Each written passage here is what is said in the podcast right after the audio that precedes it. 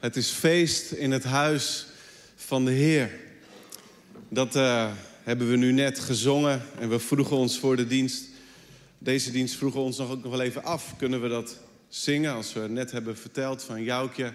En de conclusie was ja, omdat zij genoot juist van aanbidding. Ze werd vrolijk van het zijn in het huis van God en ze is nu in Gods aanwezigheid. Dus ja, we mogen dit zingen. En ik hoop dat, dat deze woorden, dat je die ja, niet alleen maar met je verstand hebt meegelezen, hebt gezongen, maar dat je die ook beleeft diep in je hart. Omdat we weten wie God is. Het is de machtige Vader. Het is onze krachtige redder. Het is de aanwezige Heilige Geest, de drie enige God die hier is, die we mogen bezingen, die we mogen aanbidden. En hij woont in ons en he still is. Hij is nog steeds onze God, de schepper, die alleen maar door te spreken alles tot aanzijn riep. Hij is de God die de mensheid nooit in de steek heeft gelaten, maar zodra de mens de rug toekeerde naar God, deed hij een stap naar de mens en die zei die, zo ga ik jullie redden. Hij is de God die in kracht door zijn heilige geest nog steeds in ons woont en ons een gave geeft, ons vervult met vrijmoedigheid om over hem te vertellen. Dus we mogen zingen. We zwijgen niet, maar hardop spreken we uit. Het is feest in het huis van de Heer, want Hij is hier, onder ons. Bij jullie thuis, in Heerenveen, hier in de zaal, in zijn kerk. Dus we zullen niet zwijgen. En vandaag is het tijd om weer een van de vragen die in het najaar is ingediend, om die te beantwoorden. En die vraag die luidt als volgt, ik zal het even precies formuleren. Wat is de goede verhouding tussen Gods heiligheid versus Gods vriendschap? En dat is een steengoede vraag. Want wat is nu eigenlijk precies de heiligheid van God? En als Hij heilig is, hoe kunnen wij dan als eenvoudige, vaak opstandige, zondige mensen dan toch een relatie met die God hebben, die zo heilig is? En het is mijn gebed dat na vanochtend God voor jou groter is dan je ooit had kunnen bedenken. En dat zijn genade en zijn liefde rijker en dieper en veel strekkender zijn dan je ooit had gerealiseerd. En dat we dus na vandaag, als we zingen, het is feest in het huis van de Heer, want Hij is hier onder ons, dat er iets gebeurt in ons hart, in ons geest, in ons verstand, dat het dak eraf gaat. Want een hoogheilige God woont onder ons. Ik heb gisteren samen met mijn schoonvader, en eigenlijk onder zijn leiding, want tot gisteren had ik het nog nooit eerder gedaan, heb ik het toilet getegeld. We hebben onze bijkeuken, het toilet was kapot en oud. En we hebben alles weggesloopt en bouwen het opnieuw op. Dus nu was, waren we zover dat de zijwandjes van het toilet getegeld konden worden. Hartstikke leuk werk, Pieter. Ehm, en ook wel precies werk. Want er komt wat bij kijken. Om goede tegellijm te maken is het belangrijk om de lijmpoeder met de juiste hoeveelheid water te mixen. En poeder en water moeten in de goede verhouding tot elkaar staan. Ehm, in ons geval 1 liter water op 3,85 kilogram lijmpoeder. We wisten dat we op basis van de beoogde dikte van de lijm achter de tegels... dat we 3,3 uh, kilo per vierkante meter nodig hadden. Dus um, dan kun je na berekenen van de oppervlakte... kun je berekenen hoeveel lijnpoeder en water er precies gemixt moeten worden. Volgen jullie het nog? Het is even denken. Het is vraag wat berekeningen, verhoudingen. Superleuk. Iedere tiener die zich wanhopig afvraagt... waarom heb ik wiskunde op de middelbare school... Wie weet komt de dag dat jij met je schoonvader je eigen wc staat te tegelen. Dus een beetje wiskunde is best handig. Yes. En ik moest daar even aan denken, omdat ik dacht, ja, hoe moet ik nou die vraag beantwoorden? Wat is de verhouding tussen heiligheid en de vriendschap van God? En ik verklap alvast dat antwoord is niet heel erg wiskundig. Dat is gewoon niet in wiskunde uit te drukken. Laten we beginnen met Gods heiligheid. Op het scherm staat dit: Gods heiligheid. Dat betekent dat God volkomen anders is dan zijn schepping en dan zijn schepselen. In onze cultuur komt het woord heilig vrijwel niet meer voor. We gebruiken het nog bijvoorbeeld bij heilig boontje. En dan bedoelen we het niet heel positief. Of we hebben het over heilige huisjes, waar starre mensen die moeilijk doen aan vasthouden, maar dat is maar een kleine groep. En ook dan is het negatief. In de kerk gebruiken we het woord heilig vaker. We spreken over de Heilige Geest.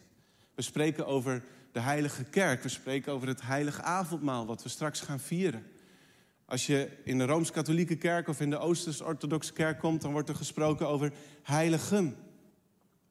We hebben het over Israël als het heilig land van God. En als iets heilig voor ons is, dan zeggen we: blijf er vanaf. Doe er niks van af. Kom daar niet aan. Nou, in het Hebreeuws wordt steeds dezelfde stam gebruikt voor alles wat met heilig, heiligen, heiligheid, heilig ging. Al dat soort woorden wat daarmee te maken heeft. En dat is kadosh. En soms kadesh, soms kadesh, soms kodesh enzovoort. In allerlei varianten. En toen de Griekse vertalers van het Oude Testament dat moesten weergeven in het Grieks, gebruikten ze niet het meest gangbare woord, um, hieros, maar gebruikten ze het meer bijzondere woord hagios. Om daarmee nogmaals te benadrukken, we hebben het hier over een hele bijzondere bijzonderheid. We hebben het hier over een heiligheid die van een andere orde is dan wat dan ook. Dus het is een heel bijzonder woord. En in het Griekse Nieuwe Testament hebben de schrijvers dat woordgebruik ook zo grotendeels overgenomen. En die woorden betekenen in het Hebreeuws en Grieks afgescheidenheid. Ja, dat is een Nederlands woord. Afgescheidenheid. Afgezonderd van dat wat onrein, van dat wat onheilig, wat dat, van dat wat zondig is. Daar staat het volledig apart van. Dus de heiligheid van God is bijzonder. Het betekent dat God gescheiden is van ons. Dat Hij hoog verheven is boven ons. Alleen God is in zichzelf, uit zichzelf, heilig. En alles wat en wie dan vervolgens heilig wordt, of het nou gaat om heilige mensen of een heilige tempel of heilig, heilig tempelgerij of de heilige ark of wat dan ook, dat is alleen maar heilig door en dankzij God. Alleen God is in zichzelf heilig. In het visioen van de roeping van de profeet Jesaja in hoofdstuk 6, daar leren we heel veel over die heiligheid van God. Laten we het samen lezen vanaf vers 1. In het sterfjaar van koning Uzia zag ik de Heer gezeten op een hoogverheven troon. De zoom van zijn mantel vulde de hele tempel. Boven hem stonden serafs. Elk van hen had zes vleugels, twee om het gezicht en twee om het onderlichaam te bedekken. En twee om mee te vliegen. Zij riepen elkaar toe: Heilig, heilig, heilig is de Heer van de hemelse machten. Heel de aarde is vervuld van Zijn majesteit. Door het luide roepen schudden de deurpinnen in de dorpels en de tempel vulde zich met rook. Ik schreeuwde het uit: Wee mij. Ik ben verloren, want ik ben een mens met onreine lippen en ik leef te midden van een volk met onreine lippen. En nu heb ik met eigen ogen de koning, de Heer van de hemelse machten gezien. Toen nam een van de seras met een tang een gloeiend kooltje van het altaar en vloog daarmee op mij af. Hij raakte mijn mond ermee aan en zei: Dit heeft je lippen aangeraakt. Je schuld is geweken, je zonden zijn teniet gedaan. Daarop hoorde ik de stem van de Heer zeggen: Wie zal ik sturen? Wie kan namens ons gaan? Ik antwoordde: Hier ben ik, stuur mij. Jesaja wordt geroepen in het sterfjaar van koning Uzia. En dat is wel even bijzonder om te melden. Koning Uzia had 52 jaar geregeerd. Heel veel van de Joden waren geboren, waren opgegroeid, waren getrouwd, hadden kinderen gekregen en waren weer overleden onder deze koning. En het was een goede koning. Juda had gebloeid onder zijn heerschappij. Het was rijk geworden. het had uh, vijanden verslagen. Totdat Uzia op het laatste in zijn leven hoogmoedig werd. Hij ging de tempel binnen, wat alleen aan de priesters was voorbehouden. En als straf werd hij melaats. En werd hij in afzondering afgevoerd om daar de laatste jaren van zijn leven te slijten. En zijn zoon Jotam, die na hem koning werd, die nam het de laatste jaren al voor hem waar. En juist als deze over het algemeen goede koning sterft en Juda een tijd van stabiliteit heeft gehad, laat God aan Jesaja zien, er is een veel stabielere koning. Er is één ware, echte koning. Dus zit er niet in over de tijd die nu gaat komen en hoe het met de nieuwe koning zal gaan. De ware koning, dat ben ik.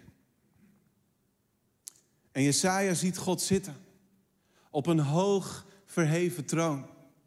Serafs omringen hem en roepen elkaar toe: Heilig, heilig, heilig is de Heer. Heel de aarde is vervuld van zijn majesteit. En dat drievoudig heilig is heel bijzonder. Er is geen enkele eigenschap van God waar we dit over lezen. Nergens zegt de Bijbel rechtvaardig, rechtvaardig, rechtvaardig is de Heer. Liefdevol, liefdevol, liefdevol is de Heer. Het enige waar de Bijbel over zegt, drie keer toe, dat God dat is, is heilig, heilig, heilig. En het Hebreeuws kende niet een andere manier om iets heel groots uit te, te, drukken. Het had geen overtreffende trap, het had geen vergrotende trap. Dus heiliger, heiligste kende het niet. En het gebruikt herhaling vaak twee keer, of één keer herhalen, dus het zegt twee keer hetzelfde, om aan te geven dat iets heel groot is.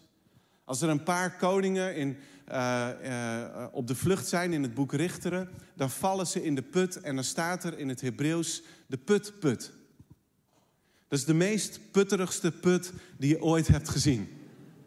En dat betekent, het is de grootste, het is de diepste, het is de meest ellendige put waar je in kan vallen. En dan tot drie keer toe. Heilig, heilig, heilig. Het onderstreept de uiterste puurheid en zuiverheid van God. Hij is apart gezet. Hij is anders dan wij zijn. Hij is iemand die ontzag opwekt en het waard is om aanbeden te worden. Zelfs de tempel begint te beven. En ook Jesaja zelf. En hij zegt, wee mij. En het is de enige keer dat een profeet het oordeelswee over zichzelf uitroept. Hij zegt, wee mij. In de aanwezigheid van deze God, daar verdwijn ik. Daar word ik verteerd.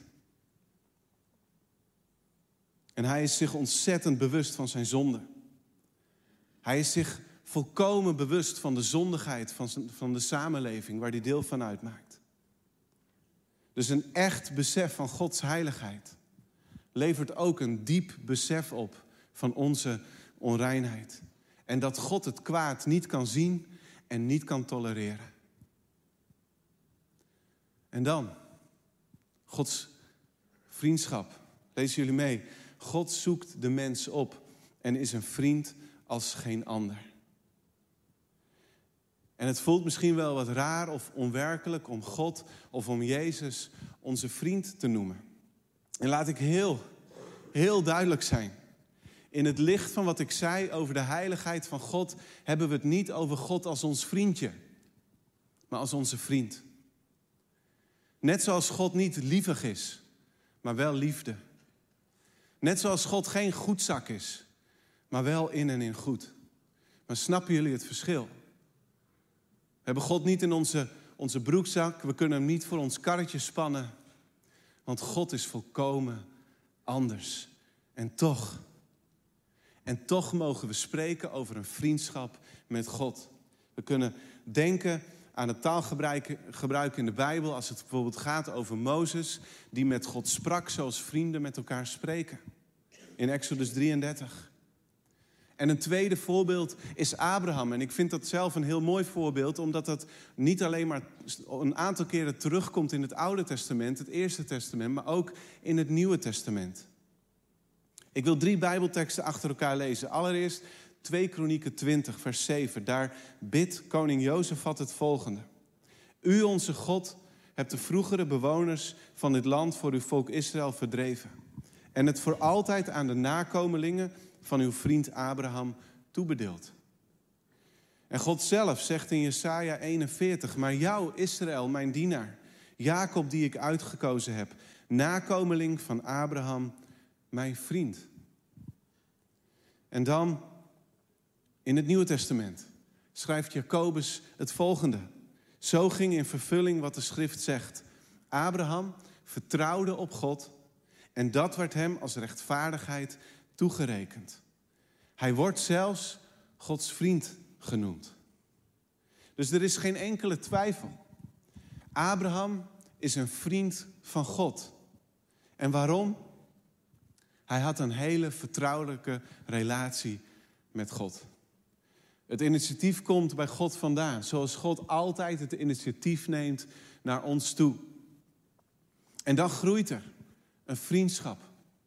God spreekt een aantal keren, niet, niet dagelijks waarschijnlijk, maar een aantal keren spreekt God met Abraham. En Abraham spreekt terug. Op een dag zelfs komen er drie mannen op bezoek. En de Bijbel maakt duidelijk, een van die mannen is de Heer. Misschien een voorafbeelding, zeg maar, een voorverschijning van Jezus als de engel des Heren die uit de hemel neerdaalde. Maar hoe dan ook, de Bijbel spreekt gewoon over de Heer is op bezoek bij Abraham. En hij doet hem een belofte, over een jaar zullen jullie een zoon hebben. En dan op het moment dat die drie mannen weggaan en eigenlijk de blik richten op Sodom en Gomorra, dan staat er heel opvallend in Genesis 18, dan staat er, waarom zou ik voor Abraham geheim houden wat ik van plan ben? En God die zegt tegen Abraham, hij legt helemaal uit, ik ben dit van plan te doen. En Abraham die gaat min of meer in het verweer en die pleit voor Sodom en Gomorra. Als er nou 50 of 40 of 30 of poeh, 20, 10. En zo zie je een hele bijzondere vriendschap. God had kunnen reageren met, ik ben de baas. Mijn plan staat vast. Een slaaf weet niet wat zijn heer doet. Die overlegt niet met zijn slaaf wat zijn plannen zijn. Maar Abraham mag in gesprek, in conclaaf met God. God is dan wel volkomen anders dan wij. En de theoloog Karl Barth noemt hem dan de gans andere. In hem hebben we een vriend als geen ander. En dan komen we. Nee, ik vergeet, ik wil één tekst nog lezen. Sorry, Johannes 15. Want Jezus, die zegt daar tegen zijn discipelen: Jullie zijn mijn vrienden wanneer je doet wat ik zeg. Ik noem jullie geen slaven meer, want een slaaf weet niet wat zijn meester doet. Dus precies eigenlijk zie je die dialoog van God. Maar ik ga Abraham wel vertellen wat ik doe. En Jezus die zegt dan ook tegen zijn discipelen, vrienden noem ik jullie. Want alles wat ik van de Vader heb, heb gehoord, heb ik aan jullie bekendgemaakt. Ik heb het aan jullie toevertrouwd. En dan komen we bij de verhouding tussen Gods heiligheid en vriendschap. En zoals ik aan het begin al zei, dat is geen wiskunde. God is niet meer heilig dan dat hij vriend is. Of hij is niet voor 50% vriend en voor 50% heilig. Ik zou zelf zo willen verwoorden wat de verhouding is. Lees jullie mee. Gods heiligheid maakt Gods vriendschap alleen maar specialer en groter. Een diep besef van Gods heiligheid zou ervoor moeten zorgen dat alleen al het besef dat God onze vriend wil zijn, dat dat overweldigend mooi is.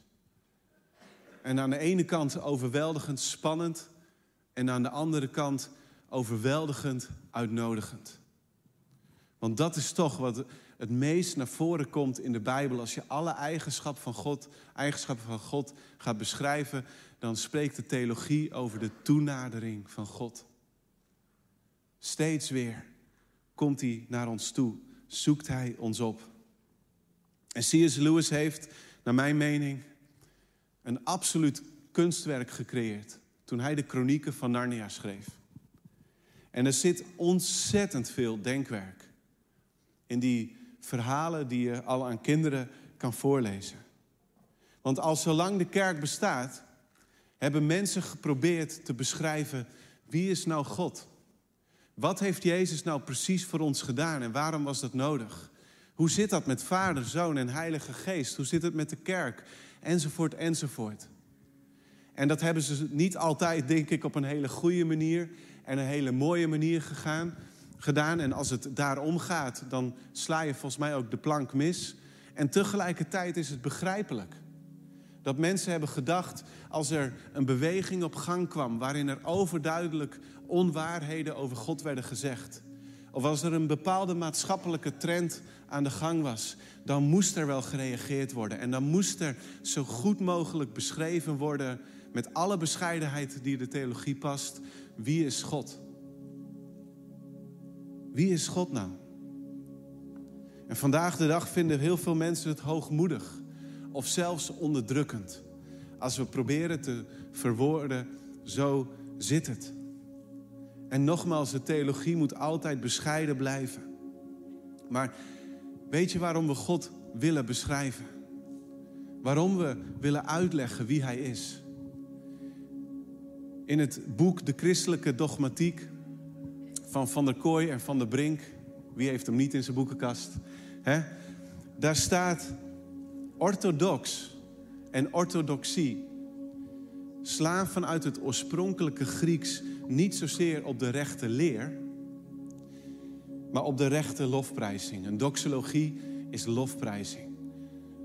Doxa is de heerlijkheid van God. We bezingen de heerlijkheid. Dat wat God gewicht geeft, dat wat hem aanzien geeft, dat willen we bezingen. En de orthodoxie probeert dat goed te doen, recht te doen. Dogmatiek. Het is eigenlijk niet meer dan een hulpmiddel om tot de allerdiepste aanbidding van God te komen. Om wat Hij heeft gedaan en zeker ook om wie Hij is.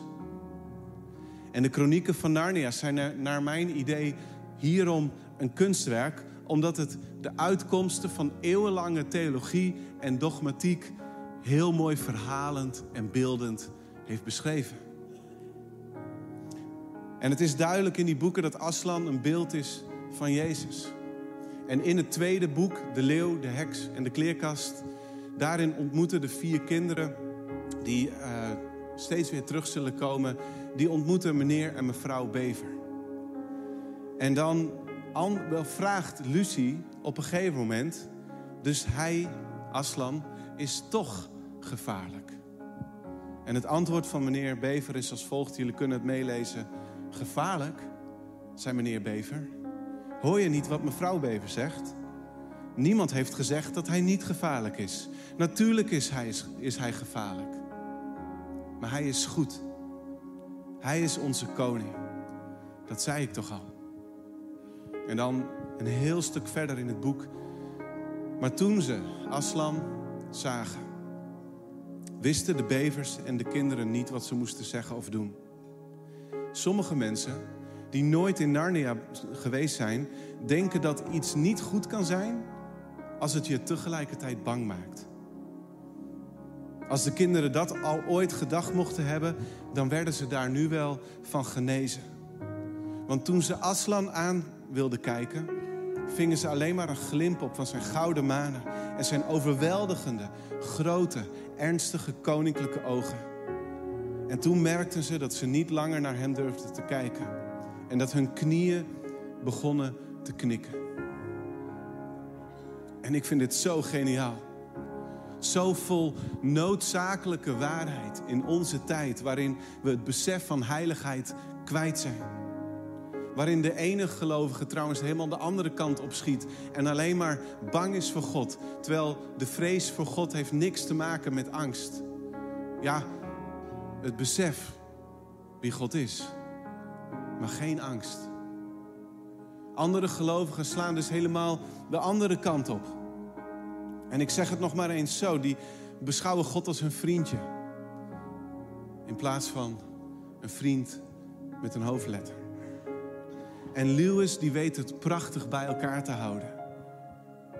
Hij weet het allebei naast elkaar 100% waar te maken. Is hij gevaarlijk? Natuurlijk is hij gevaarlijk. Maar hij is goed. Hij is onze koning. En ik ben heel eerlijk, de afgelopen week, terwijl ik bezig was met Jesaja 6 en toen nog wat Eerste Testament passages en het Nieuwe Testament. En toen moest ik denken aan deze woorden en ik ging het opnieuw lezen in Narnia. Toen schoten mijn ogen regelmatig vol met tranen. Omdat dit zo ontzettend waar is. Als je het bekijkt in het licht van al die Bijbelteksten bij elkaar. Hebreeën 12 vat het ook samen. Er staat laten we dankbaar zijn omdat we een onwankelbaar koninkrijk ontvangen. Zo kunnen we God dienen zoals het Hem behaagt, met eerbied en ontzag. Punt. En dan, onze God is een verterend vuur. En wat ik bijzonder vind, is dat, het, dat deze woorden beginnen met dankbaar. En we hebben een onwankel koninkrijk en we kunnen Hem dienen. En dan vervolgens gaat het moeiteloos over naar eerbied en ontzag. En onze God is een verterend vuur. Het is allemaal 100% waar. Daarom kun je wat op het eerste oog tegenstrijdig lijkt, toch in één zin samenvatten. Lezen jullie mee. Hij die geheel anders is, is een vriend als geen ander. De Bijbel leert ons heel veel over wie God is. En weet je wat opvalt? Het meeste leren we over God in de context van lofprijs en aanbidding. En opnieuw de christelijke dogmatiek die zegt: het gaat er bij het opsommen van Gods eigenschappen niet om dat we God aldenkende in onze greep krijgen. En wanneer we in de dogmatiek zelfs iets over Gods wezen menen te kunnen zeggen, is dat niet omdat we vanuit onszelf zoveel daarop, uh, daarover op het spoor kunnen komen. Integendeel. In lied en liturgie geeft de enkeling en vooral de gemeente aan God terug wat ze van Hemzelf ontvangen heeft en wie Hij daarin voor haar bleek te zijn. Een prachtige psalm waarin de vriendschap, de heilige vriendschap van God, de vriendschappelijke heiligheid van God, de heilige die zijn heiligheid wil delen met zijn schepping, wordt geprezen, is Psalm 145. Lezen jullie mee. Een loflied van David. U, mijn God en koning, u wil ik roemen. Uw naam prijzen tot in eeuwigheid. Elke dag opnieuw wil ik u prijzen. Uw naam loven tot in eeuwigheid. Elke dag opnieuw wil ik u prijzen. Uw naam loven. Groot is de Heer. Hem komt alle lof toe. Zijn grootheid is niet te doorgronden. Laat geslacht na geslacht uw schepping bezingen, uw machtige daden verkondigen. Laten zij spreken over de glorie van uw majesteit. Ook ik wil uw wonderen bekendmaken. Laten zij getuigen van uw geduchte daden. Ook ik wil van uw grootheid vertellen. Laten zij de roem van uw goedheid verbreiden, uw gerechtigheid bejubelen. Genadig en liefdevol is de Heer. Hij blijft geduldig en groot is zijn trouw. Groot is de Heer voor alles en allen. Hij ontfermt zich over heel zijn schepping. Laat al uw schepselen u loven, Heer, en uw getrouwen u prijzen. God is in zijn grote heiligheid heilig. Heilig, heilig is hij hoog verheven boven ons. Zijn heiligheid verdraagt geen zonde. En daarom kunnen wij, als mensen die zondigen, niet zomaar in zijn aanwezigheid komen. Maar, avondmaal, maar dankzij Jezus, door zijn offer aan het kruis, kunnen wij een relatie hebben met een hoogheilige God. En dat God en heilig is en ons zijn vriendschap aanbiedt, zegt alles over de enorme liefde en genade. Lezen jullie mee? Dat God en heilig is en ons zijn vriendschap aanbiedt, zegt alles over zijn eindeloze liefde en genade. Liefde en genade. Ze worden zoveel groter als je deze twee bij elkaar houdt. Ze worden zoveel heerlijker als onze aanbidding straks na, tijdens het avondmaal groeit.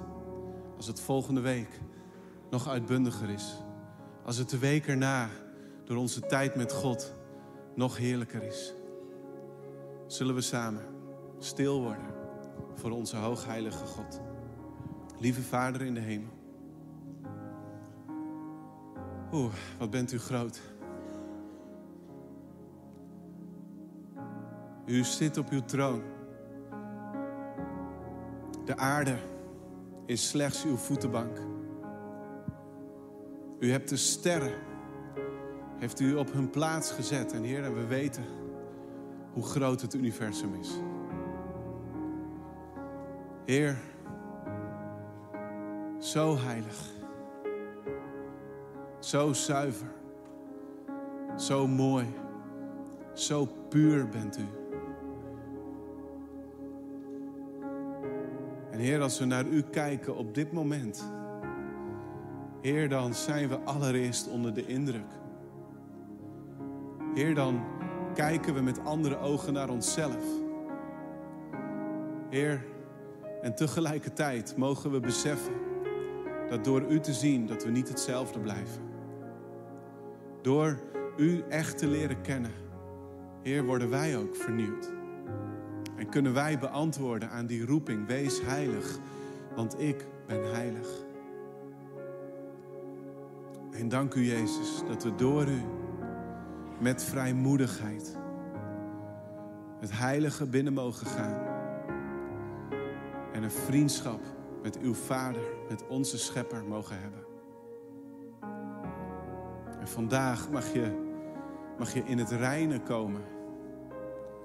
En laten we dat heel letterlijk nemen. Je mag in het reine komen met God. Dat betekent al het verkeerde wegdoen, niet uit eigen kracht, maar door het offer van Jezus. En dat betekent ook weer God recht in de ogen kunnen kijken. En je gekend weten en je geliefd weten. Jezus wil jouw redder zijn. Hij wil je bij de Vader brengen. En we zijn bij de Vader. Dit moment. We zingen het uit. We roepen het uit. We zullen niet zwijgen. De heilige God, de meest vriendelijke God, is hier. In Jezus' naam. Amen.